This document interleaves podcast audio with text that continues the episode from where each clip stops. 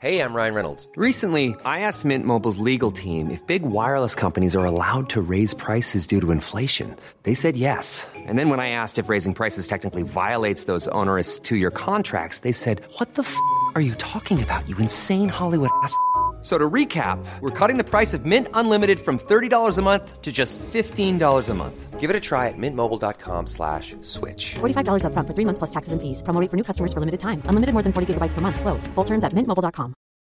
Millions of people have lost weight with personalized plans from Noom, like Evan, who can't stand salads and still lost 50 pounds. Salads, generally, for most people, are the easy button, right? For me, that wasn't an option. I never really was a salad guy. That's just not who I am. But Noom worked for me. Get your personalized plan today at Noom.com. Real Noom user compensated to provide their story. In four weeks, the typical Noom user can expect to lose one to two pounds per week. Individual results may vary. Hey, I'm Ryan Reynolds. Recently, I asked Mint Mobile's legal team if big wireless companies are allowed to raise prices due to inflation. They said yes. And then when I asked if raising prices technically violates those onerous two year contracts, they said, What the f are you talking about, you insane Hollywood ass? F- So to recap, we're cutting the price of Mint Unlimited from $30 a month to just $15 a month. Give it a try at mintmobile.com slash switch. $45 upfront for three months plus taxes and fees. Promo rate for new customers for limited time. Unlimited more than 40 gigabytes per month. Slows. Full terms at mintmobile.com. Så til i kveld. Um, man skal jo aldri sitere seg selv. Men jeg skrev en formannens ord i Norsk Militært Tidsskrift for litt siden. Som jeg tok utgangspunkt i dette mottoet som vi gikk rundt og trøstet, trøstet oss med gjennom hele pandemien. Dette med at alt blir bra. Vi delte håpet om at det normale livet vårt skulle komme tilbake, og at vi skulle leve sånn som vi var vant til å leve fra før, gjerne i en enda bedre versjon. Det gjorde ikke det. Og det blir ikke sånn som det var før pandemien. Men det skyldes ikke bare pandemien, det skyldes, som vi alle vet, det som skjer i Ukraina. Den krigen vil ta slutt. Men Russland vil være noe annet enn det vi trodde vi visste og kjente. Europeisk integrasjon, samarbeide, motsetninger, samarbeide, politisk, militært, økonomisk, vil kanskje være annerledes enn det vi så for oss at utviklingen skulle lede frem mot. Og forholdet vårt, eh, det europeiske forholdet, Norges forhold til USA, kan bli annerledes enn vi så for oss. Og Kinas rolle vet vi ikke helt hva vil bli. Men dette skal dere slippe å høre meg tenke så veldig mye mer høyt om. Fordi at vi er veldig, veldig glad for å ønske velkommen tilbake til oss.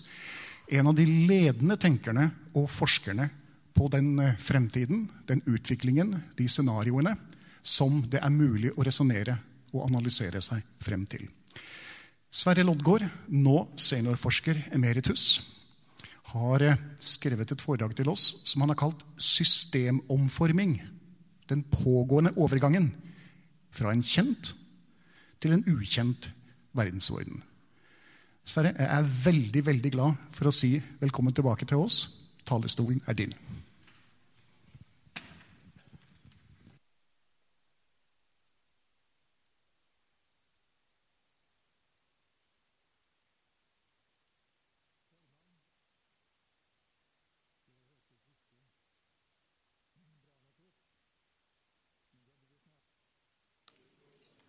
Nå, tenker jeg. Ja. Formann, godtfolk, eh, god kveld, alle sammen.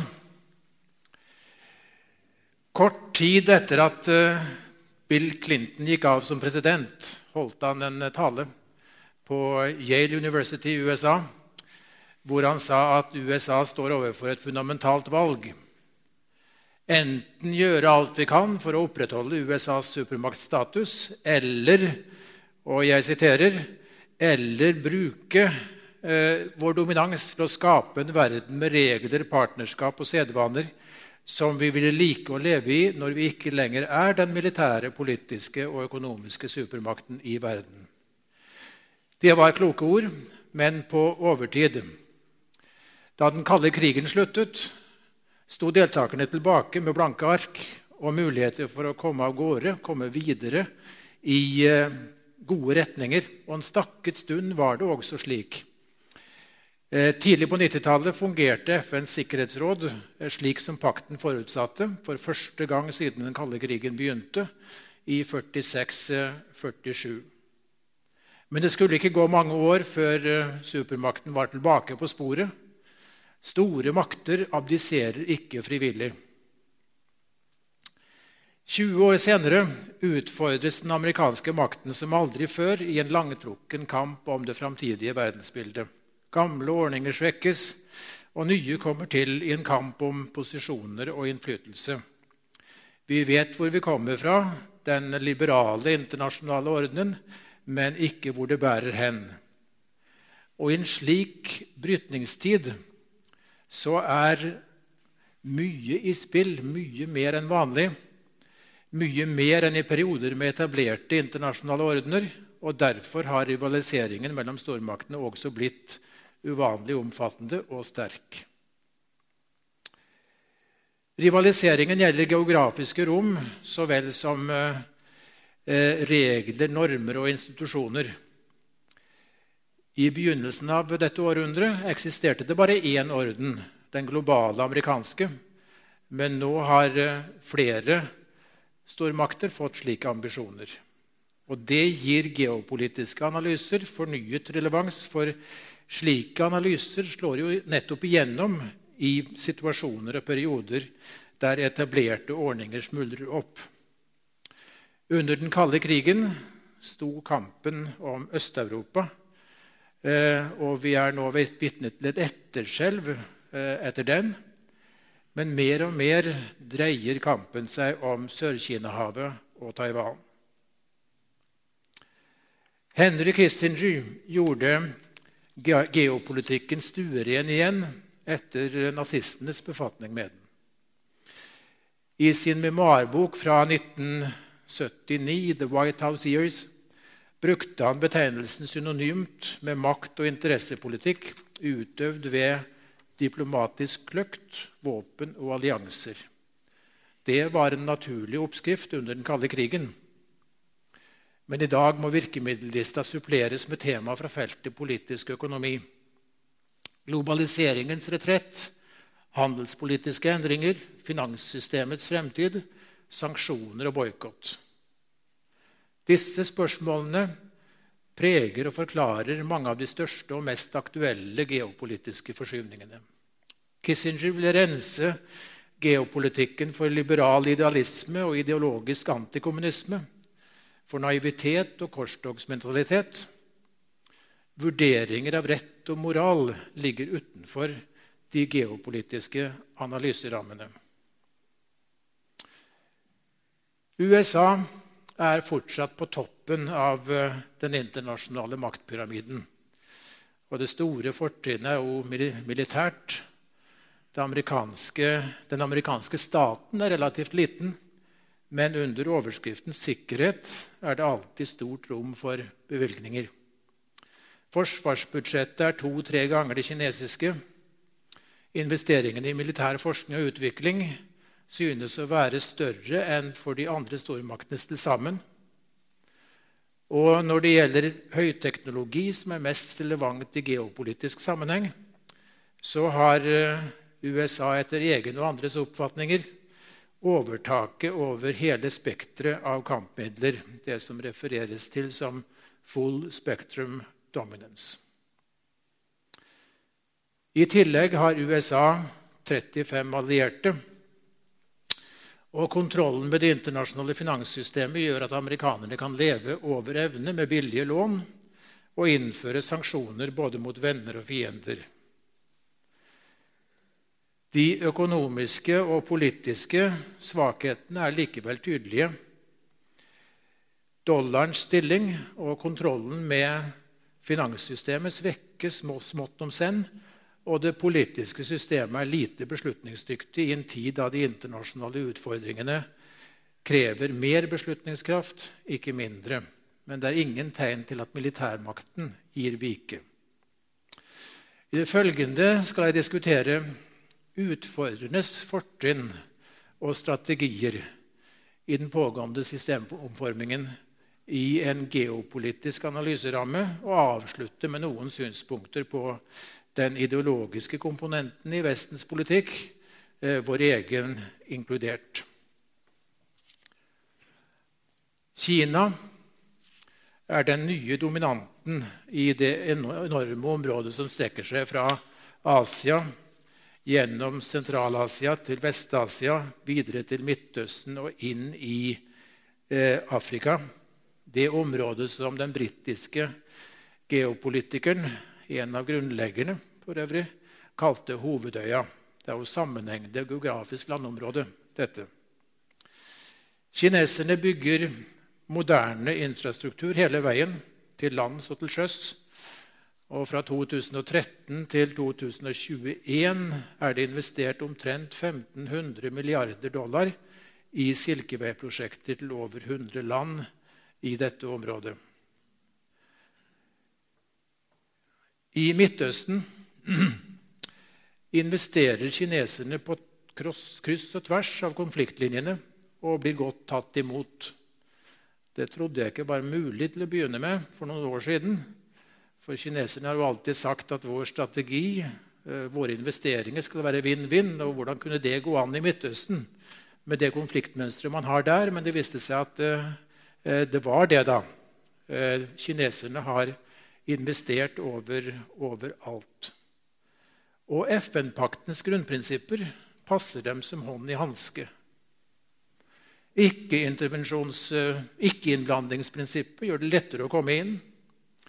Og i Sikkerhetsrådet kan de bruke ikke-intervensjonsprinsippet for å nekte vestmaktene eh, legitimitet for de krigene som de måtte ønske å føre fortsatt i, i Midtøsten.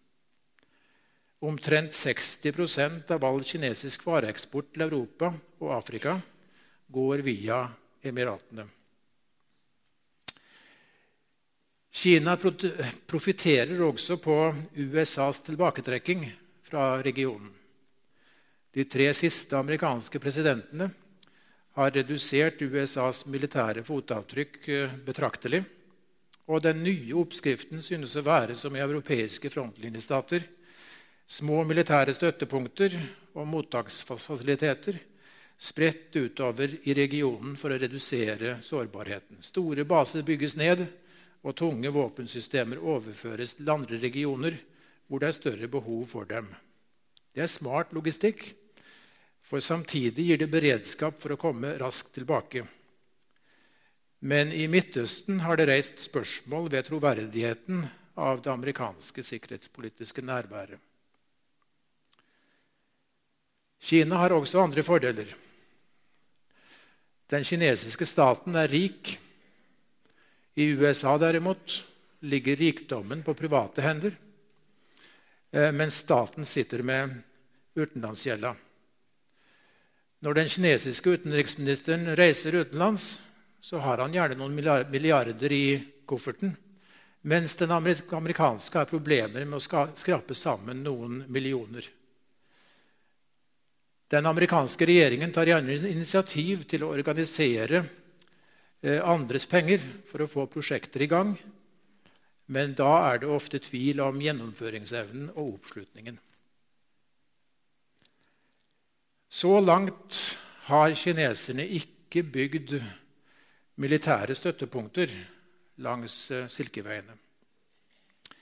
I sin historie har de brukt makt i egen region, men aldri sendt militære styrker til andre deler av verden, med et mulig unntak for krigen mot India i 1962. Alt dette hvordan man leser eller tolker eh, den, den krigen. Det er de vestlige stormaktene som har etablert sine imperier på den måten. Kina har bygd en stor flåte på rekordtid, men den er foreløpig konsentrert om å drive USA ut av nærområdet. Om den økonomiske ekspansjonen likevel blir fulgt opp med militære støttepunkter, får vi la stå som et åpent spørsmål som det blir interessant å følge. Kina har ingen militære allianser, bortsett fra Nord-Korea. Og det ville, som dere skjønner, bryte med den, tradisjonen jeg nettopp nevnte. Men Kina har skapt, skaffet seg et stort antall partnere på tilstøtende felter. Shanghai Cooperation Organization er eh, hvor, hvor Kina er magnet og drivkraft, får stadig flere medlemmer, observatører og partnerland. Det er tre nivåer av tilknytning til den organisasjonen. India og Pakistan er medlemmer. Iran ble det sist høst. Afghanistan, Mongolia, Belarus er observatører. Armenia, Aserbajdsjan, Kambodsja, Nepal, Sri Lanka og en rekke land i Midtøsten er eller har søkt om å bli dialogpartnere. Shanghai Cooperation Organization er i ferd med å bli paraply og fellesnevner for hele det asiatiske kontinentet, bortsett fra randstatene i Øst- og Sørøst-Asia. India så, de har en tendens til å falle uten, utenfor radaren. De har sin egen interessesfære i Sør-Asia, og de verner om sin uavhengighet ved å balansere sine utenlandsrelasjoner. En avtale fra 2008 åpnet for militærteknologisk samarbeid med USA, og India er med i det såkalte Quad, kvartetten sammen med Japan, Australia og USA for å demme opp for Kina. Samtidig har de et historisk godt forhold til Russland og deltar ikke i sanksjonene mot dem. Statsminister Modi har gjort eh, landet mindre demokratisk og mer nasjonalistisk og har gitt det tydelige illiberale trekk. Muslimene i India er nå statsborgere av eh, India. Men de er ifølge Modi ikke en del av nasjonen. Den er hindu. India er på mange måter en stormakt i sin egen rett. Og det vanskelige forholdet til Kina det vedvarer, men deltakelsen i Quod er avmålt for ikke å kompromittere uavhengigheten. Ingen stormakt får, greier å få inngrep Eh, komme i inngrep med Kina, med India. India eh, Det er ingen som lykkes med å få India over på sin side. Forholdet mellom Kina, Saudi-Arabia og Russland har utviklet seg til en ny og potent geopolitisk trekant. Den er lite påaktet, så jeg skal vie litt tid til det. Men eh, trekanten har vist seg mer robust enn f.eks. USA og EU har forventet. Så la oss ta et kort blikk på hver av sidene i trekanten, begynnende med Kina og Saudi-Arabia. Samarbeidet dem, dem, imellom har eh, ganske lange røtter, men det har skutt fart de siste seks årene. Kis besøk i Riyadh i desember var særdeles vellykket i slående kontrast til Bidens besøk i august, som var særdeles mislykket. Kina og Saudi-Arabia holder seg til FN-pakten og er enige om grunnprinsippene i internasjonal politikk. Statlig suverenitet, territoriell integritet og ikke-innblanding i indre anliggender. Ikke-innblanding betyr i praksis eh, ingen kommentar. Men innenrikssaker kan allikevel drøftes, naturligvis. Forutsatt at eh, man ikke går ut til det offentlige rom eh, med det.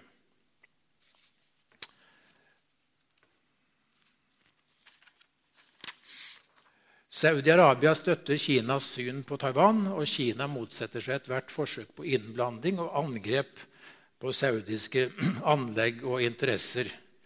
Det er naturligvis litt kilent i forhold til Iran, Saudi-Arabias erkefiende, hvor Kina også har Eh, investert tungt. Partene har omforente holdninger og posisjoner på de fleste spørsmål. Og sentralt står samarbeidet om petroleum og energi. Kommunikéet fra det nevnte toppmøtet nevner en rekke andre felter. Digital økonomi og infrastruktur, kjernekraft, kunstig intelligens, romforskning, krigene i Jemen og Ukraina, terror og ekstremisme. Saudi-Arabias visjon for 2030 og Kinas silkeveiprosjekter skal samkjøres.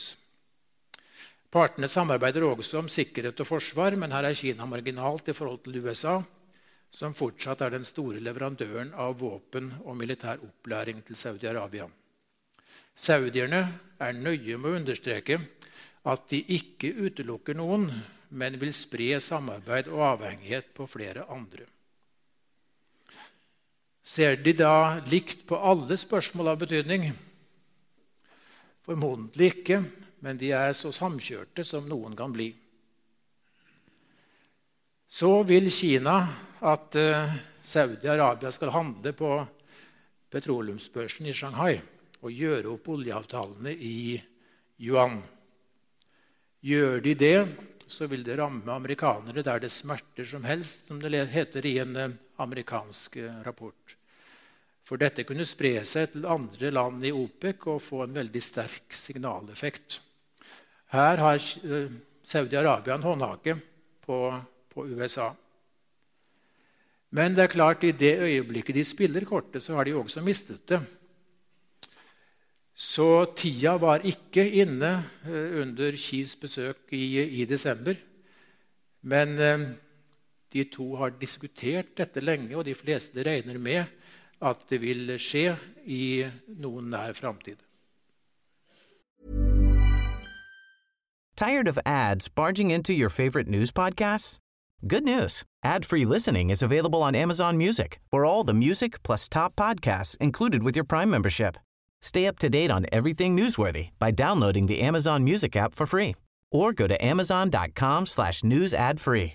That's amazon.com slash news ad free to catch up on the latest episodes without the ads. Millions of people have lost weight with personalized plans from Noom, like Evan, who can't stand salads and still lost 50 pounds. Salads, generally, for most people, are the easy button, right? For me, that wasn't an option. I never really was a salad guy. That's just not who I am. But Noom worked for me. Get your personalized plan today at Noom.com. Real Noom user compensated to provide their story. In four weeks, the typical Noom user can expect to lose one to two pounds per week. Individual results may vary. Russland og Saudi-Arabia så Russerne snakker jo med alle i Midtøsten. Så når konflikter oppstår, er de i posisjon til å fiske i rørt vann. Dessuten har de sammenfallende økonomiske interesser med oljeproduserende Midtøsten-land. Biden ba Saudi-Arabia om å øke oljeproduksjonen. Og bin, bin, bin Salman sa at uh, han fikk snakke med Putin om det. Resultatet ble redusert oljeproduksjon, uh, altså det motsatte.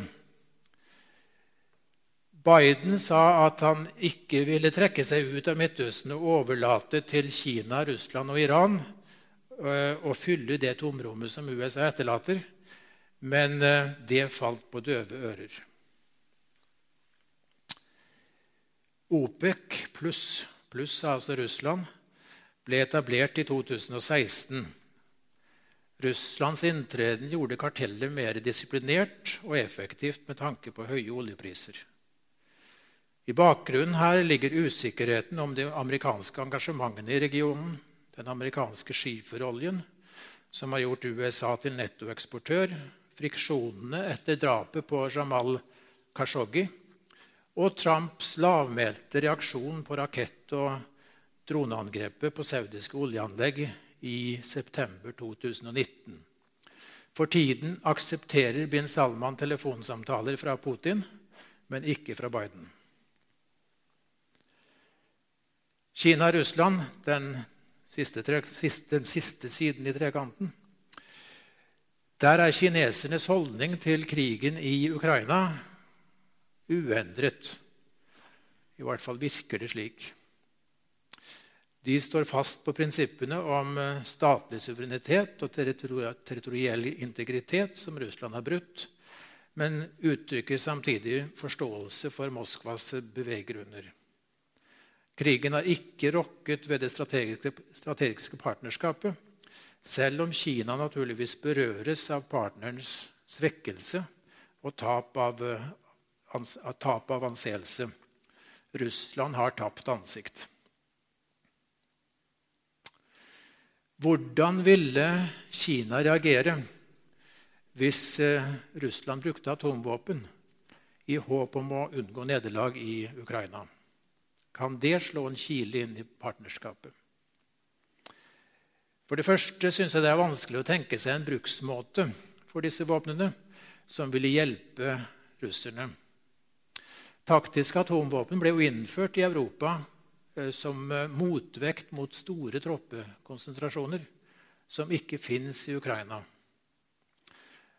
Hvis man allikevel skulle bruke taktiske atomvåpen for å åpne hull i ukrainske forsvarslinjer, skulle altså egne styrker få den glede å kjøre igjennom dette kontaminerte, kontaminerte området og inn i et særdeles ugjestmildt eh, militært og politisk landskap. Det går ikke i hop, det der. Det gjør heller ikke bruk av eh, altså, atomvåpen detonert i stor høyde eh, for eh, å utløse den elektromagnetiske pulsen som kunne slå ut elektronikk på bakken. For å få full effekt så må de detonasjonene gjøres noe sånn som 20-30 mil over bakken. Og virkningene kunne fort ramme venn så vel som, som fiende. Dette synes heller ikke gangbart, og bruk av strategiske våpen betyr med stor sannsynlighet dommedag, i hvert fall for Europa. Men ingen kan utelukke noe. Kina har hele tida hatt en doktrine om ikke førstebruk, og de har høstet diplomatisk anerkjennelse for det. Derfor kan vi ganske trygt gå ut ifra at de fraråder eh, bruk av atomvåpen på det sterkeste. Så hvis Russland likevel skulle gjøre det, blir den kinesiske fordømmelsen formodentlig uforbeholden. Men da kan det jo også være for sent. For eh, Natos øvelser med atomvåpen viser at hvis man først begynner å bruke disse våpnene, vil eh, opptrapping høyst sannsynlig følge, med katastrofe som, eh, som resultat. Og andre atommakter er naturligvis godt innenforlivet, godt innforstått med samme. I samtaler med franske og tyske ledere skal kineserne ha sagt at de gjør sitt beste for å hindre at det noen gang kommer dit. Politisk økonomi. Jeg sa vel at eh, systemomformingen dreier seg like mye om politisk økonomi som om militære og diplomatiske disposisjoner. Et slikt spørsmål gjelder globaliseringens retrett et annet frihandel, et tredje finanssystemets fremtid og et fjerde sanksjoner og boikott. Globaliseringen er den spesielle formen for internasjonal kapitalisme som vokste fram etter den kalde krigens slutt. Nå er den på retrett av en rekke grunner som ser ut til å vokse seg stadig sterkere. Globaliseringen har skapt enorme økonomiske ulikheter. Den er blind for klimaendringer. Sårbar har den vist seg for finansielle kriser. Og den viste seg også ute av stand til å påvirke fordelingen av vaksiner mot koronaen. Sist, men ikke minst, har den skapt lange og sårbare forsyningslinjer som forsterkes av klimaendringene. Sikkerhet for leveransene er blitt like viktig som kostnadene. En løsning da er å spre avhengigheten på flere leverandører, geografi til side. En annen å samarbeide tettere med likesinnede land i samme region. Og en tredje å satse mer på selvforsyning. Kortreiste tilganger gir sikrere forsyninger og betydelig miljøgevinst. Globaliseringens retrett forsterker sprekkdannelsene i verdenssamfunnet og det maktpolitiske mønsteret som vi ser ja, slik, det, slik det nå er i dag, det legger ganske sterke føringer på løsningene. I hvert fall for Vestens del, Vestens del hvor en rekke uttalelser peker på alternativer i egen leir. Kina og USA kobler seg fra hverandre. I en konflikt som er blitt noe så nær altomfattende, er gjensidig avhengighet plagsomt. Begge kompenserer med økt selvforsyning, men ellers er de satt på vidt forskjellig kurs. USA er blitt klart og tydelig proteksjonistisk, mens Kina fortsatt er en sterk tilhenger av frihandel. For tidligere amerikanske administrasjoner var frihandel strategisk viktig for å sikre USAs global dominans. Amerikanske strategidokumenter har alltid vært eksplisitte på det punktet, og for Obama var det fortsatt slik. Adgang til store amerikanske markeder var et godt agn for å rake mindre land ut av kinesernes klør. Men det tok slutt med Trump. Bidens nylige Indo-Pacific Economic Framework for Prosperity fortjener knapt betegnelsen frihandel, men var så langt han torde å gå, gitt de proteksjonistiske strømningene i eget land. Frihandel som virkemiddel er antagelig ute av amerikansk politikk for mange år fremover. Kina derimot utdyper og utvider sine handelsforbindelser. Det kinesisk-sentrerte Regional Comprehensive Economic Partnership er den mest omfattende handelsavtalen i verden. Og Kina har søkt medlemskap i Comprehensive and Progressive Agreement for Trans-Pacific Partnership, erstatteren til Obamas Trans-Pacific Partnership, som Trump torpederte. USA har ikke søkt medlemskap i nydannelsen. Over 100 land har nå dobbelt så stor handel med Kina som med USA. Bare 20 land oppgir USA som sin viktigste handelspartner. Og For en glitrende artikkel om hva dette betyr for rivaliseringen mellom Kina og USA, har jeg lyst til å anbefale en fersk artikkel av Carl Bildt under overskriften 'How China Will Achieve Hegemony' fra november i, i fjor. Som sagt en glitrende artikkel over dette temaet.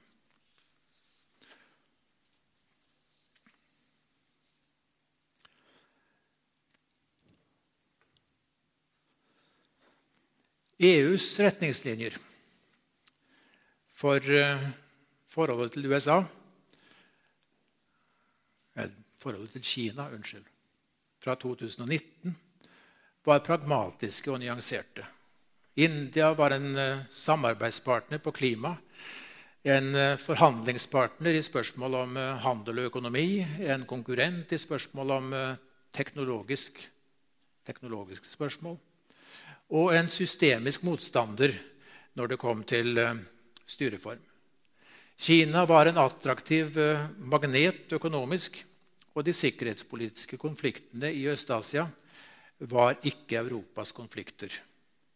Nå ser ledende europeiske land på begge deler som et problem. Så mye har skjedd på tre år. Sanksjoner er blitt en eh, stor industri i USA. Men grunnlaget for dem, amerikanske, det amerikanske markedets størrelse, dollarens stilling som reservevaluta, og kontrollen med finanssystemet svekkes litt etter litt. Overdreven bruk av sanksjoner bidrar jo til det. For etter hvert som USA har gjort,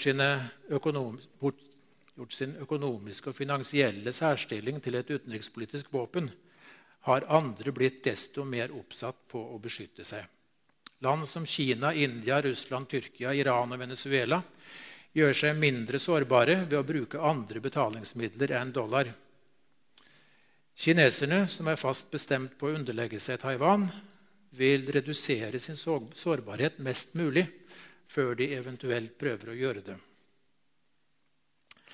Kravet om et finansielt system som er til fordel for mange, og ikke bare én, griper derfor om seg. Og før eller siden så vinner det ganske sikkert frem i en eller annen form. Det kan gå sakte, som det har gjort til nå, men det kan også rakne på et eller annet stadium. og da gå fortere. Dette er, tror jeg, et springende punkt i overgangen til en ny internasjonal orden. La meg så avslutte med noen eh, kommentarer til den ideologiske eh, komponenten i rivaliseringen. Hvor Vesten har spilt det ideologiske kortet ganske foroverlent og attraktivt. Og Den brutale russiske framferden i Ukraina har jo skjerpet bruken av det. Putin bryr seg åpenbart lite om menneskeliv. For ham er det staten og det russiske riket eh, det gjelder. Mer enn noen annen gang etter den kalde krigen har vi piggene ute i forhold til autoritære styreformer og brudd på menneskerettighetene. Selektivt alt ettersom anledningene byr seg. Slik vil det alltid være. Menneskerettene er hjemlet i FN-pakten men der står det ingenting om styreform. Sluttakten fra Helsinki i 1975 prøvde å bygge bro over de to. Partene forpliktet seg til å respektere hverandres sosiale, økonomiske og politiske systemer, samtidig som man ga grønt lys for fremme av menneskerettene. Og vi fikk en rekke Helsinki-komiteer som jobbet fremgangsrikt. Det som fungerte bra i Europa, passer naturligvis ikke like godt andre steder, men er verdt en ettertanke i forbindelse med 50-årsjubileet for Helsinki i 2025. Sinnelagsetikk er vel og bra, men bør ikke skygge for alternative fremgangsmåter og konsekvensvurderinger. Menneskerettene er eh, ubetingede og universelle. Å fremme dem er derfor vår rett og plikt, og derfor gjelder det også å finne de mest effektive fremgangsmåtene. Det er ikke lett, men i dag har diskusjonen en påfallende tendens til å munne ut i ett enkelt svar på hva som fungerer. Sanksjoner, boikott, kanselleringer og fordømmelser. Kutte forbindelser og mane til enighet om det, som om dette er en oppskrift som passer alle utfordringer. Sivilsamfunnet har ofte vært raskere på labben enn regjeringene. I forbindelse med verdensmesterskapet i Qatar ble vertslandet kraftig fordømt. Qatar er ikke blant verstingene i Midtøsten. Det har konkurranse om den tittelen i den regionen. Større land som eh, Iran, Saudi-Arabia og Egypt, regnet fra øst mot vest, eh, er nærmere toppen på den statistikken. Men tidvis virket det jo som noen av våre største medier hadde bestemt seg for å kjøre en kampanje mot landet og tilbød virkelighetsbeskrivelser som passet til kampanjebildet. Igjen ble det ropt på boikott. Fotballforbundet frarådet riktignok og valgte en dialoglinje i stedet. Men dialog forutsetter at man i utgangspunktet viser respekt for samtalepartneren og ikke starter med krav og fordømmelser. I forhold til Russland er det jo ikke stort mer vi kan kutte. Punktum ble på en måte satt ved sprengningen av eh, gassledningene gjennom Østersjøen. For vår del er det bare fiskeri, fiskeriforvaltningen med russerne og russisk leveranse av fisk i tre norske havner som står igjen. Klokt eller uklokt, det løpet er kjørt, og russerne kan takke seg selv. Forholdet til Kina beveger seg i samme retning. I Natos siste strategidokument heter det at Kina er en sikkerhetsutfordring. Og Jens Stoltenberg pekte nylig på forholdet mellom politisk frihet og frihandel, og mer enn antydet at redusert frihandel ville føre til større politisk frihet for kineserne. Ehm, jeg kan ikke tro at eh, han har underlag for det, for å mene det. At det er noen dokumentasjon som kan legges fram, og som indikerer at det er slik, men den politiske holdningen er, er klar nok. Når det er sagt, eh, det avgjørende for oss det er jo hvordan forholdet mellom USA og Kina, eh, de store handelsblokkene, hvordan det utvikler seg. Tyskland er nøkkellandet fremfor noe, og der kjempes det om veivalget.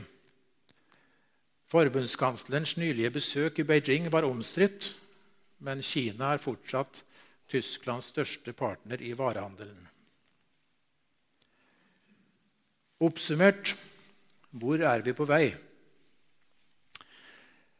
Globaliseringen avtar til fordel for samarbeid i egen leir. I USA vrakes frihandel til fordel for proteksjonisme. Kontrollen med finanssystemet, som var et fellesgode i den liberale internasjonalismen, brukes som våpen i et omfattende sanksjonsregime som imidlertid har sett sine beste dager.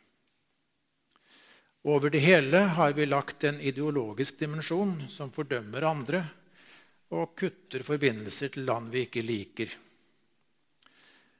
Vi kapsler oss inn og støter andre fra oss.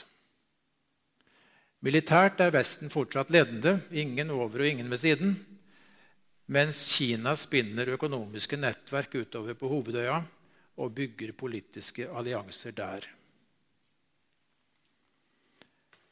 Krigen i Ukraina har sveiset oss sammen. Vesten har et ideologisk overtak i spørsmål om menneskerettigheter og styreform. I hvert fall mener vi det selv. Mens mesteparten av verden har ulike varianter av autoritært styre, og de landene blir flere. Ved å kutte forbindelser og hamre på andre spiller vi i hendene på Kina som ikke legger seg opp i andres styresett og knytter sterkere bånd til stadig flere. Dette blir ikke alltid feil. Unntaksvis fungerer sanksjoner og boikott etter hensikten, men å anvende samme oppskrift over hele fjøla blir utilgivelig lettvint. Vestens strategi i kampen om posisjoner og innflytelse framstår derfor som en dysfunksjonell kombinasjon av klassisk geopolitikk basert på militær styrke og allianser på den ene siden, og økonomisk proteksjonisme og ideologisk frastøting på den andre. Takk for oppmerksomheten.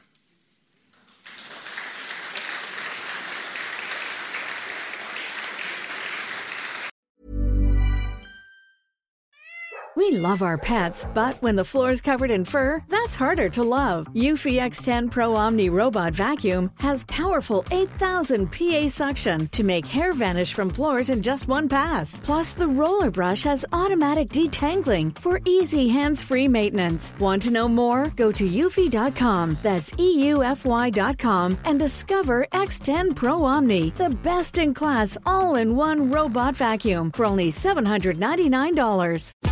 Botox Cosmetic, out of botulinum toxin A, FDA approved for over 20 years. So, talk to your specialist to see if Botox Cosmetic is right for you.